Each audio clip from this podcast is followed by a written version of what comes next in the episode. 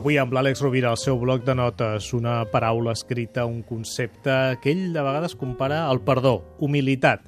Àlex, benvingut. Gràcies Gaspar, per ser moltes nosaltres. gràcies. Un plaer sempre estar amb tu. Bé, I amb humilitat. tots els amics i amigues que ens escolten I cada tant, i diumenge. tant, que són un regal. I la, humilitat, la humilitat la podem cultivar, la podem aprendre... La humilitat, anem a l'etimologia primer, no? Ve d'humilis, ve d'humus, en parlàvem l'altre dia, és allò que, que fa fèrtil la terra, però que, curiosament, esdevé dels propis arbres i flors. És, una, és un despullar-se. La podem conrear, evidentment. La humilitat la podem conrear, la podem treballar amb la voluntat, podem tenir la voluntat de ser humils, i per tant podem dir que eh, pot ser una virtut a la qual hi podem accedir per convicció. Però està clar que si no hi accedim per convicció, i ho parlàvem fa un moment amb el micro tancat, hi arribem per compulsió.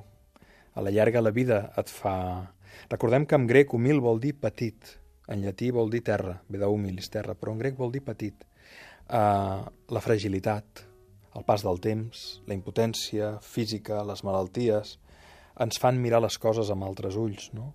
Uh, jo l'altre dia assistia al, al funeral d'una persona molt estimada, amb 94 anys, i, i quan copses la fragilitat dels cossos en, en la degeneració natural que tots tenim, necessàriament hem de ser humils, hem d'anar acceptant, hem d'anar perdent el, el, el fals sentit d'omnipotència. Paradoxalment, fixa-t'hi que la falsa omnipotència, i podríem tornar aquí a Donald Trump, a la llarga porta a la impotència, perquè acaba cremant a la persona dintre del seu deliri narcisista. Ja veurem què passarà als Estats Units, però si és un reflexe del que va fer Trump amb, Atlantic City, patiran molt i patirem molt. Per tant, ser humil és un, és un antídot. És un antídot a la vanitat, a l'arrogància. És l'antídot a perdre el sentit comú. La gent amb sentit comú acostuma a ser extraordinàriament humil.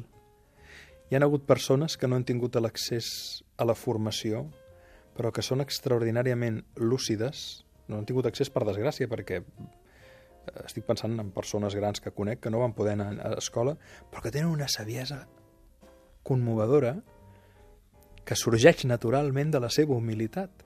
Però no és una humilitat impostada, perquè quan la humilitat és impostada és una vanitat hipòcrita.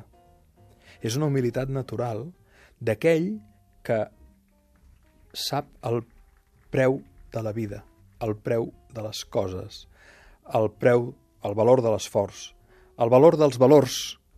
Necessàriament algú humil és algú que se n'adona que això que en diem vida, vida no és més que la manifestació dels principis que hi ha a la natura, els principis de la collita, els principis de la sembra, el principi de la incertesa, el principi de la humilitat. Per tant, si no ho som per convicció, no patim, que a la llarga o a la curta La vida ens farà humils. la vida ens farà ben humils quan tornem a terra. Àlex, moltes gràcies. Una abraçada, I gràcies també de nou pel teu sentit de l'humor. Fins la setmana que ve, els oients. Una abraçada.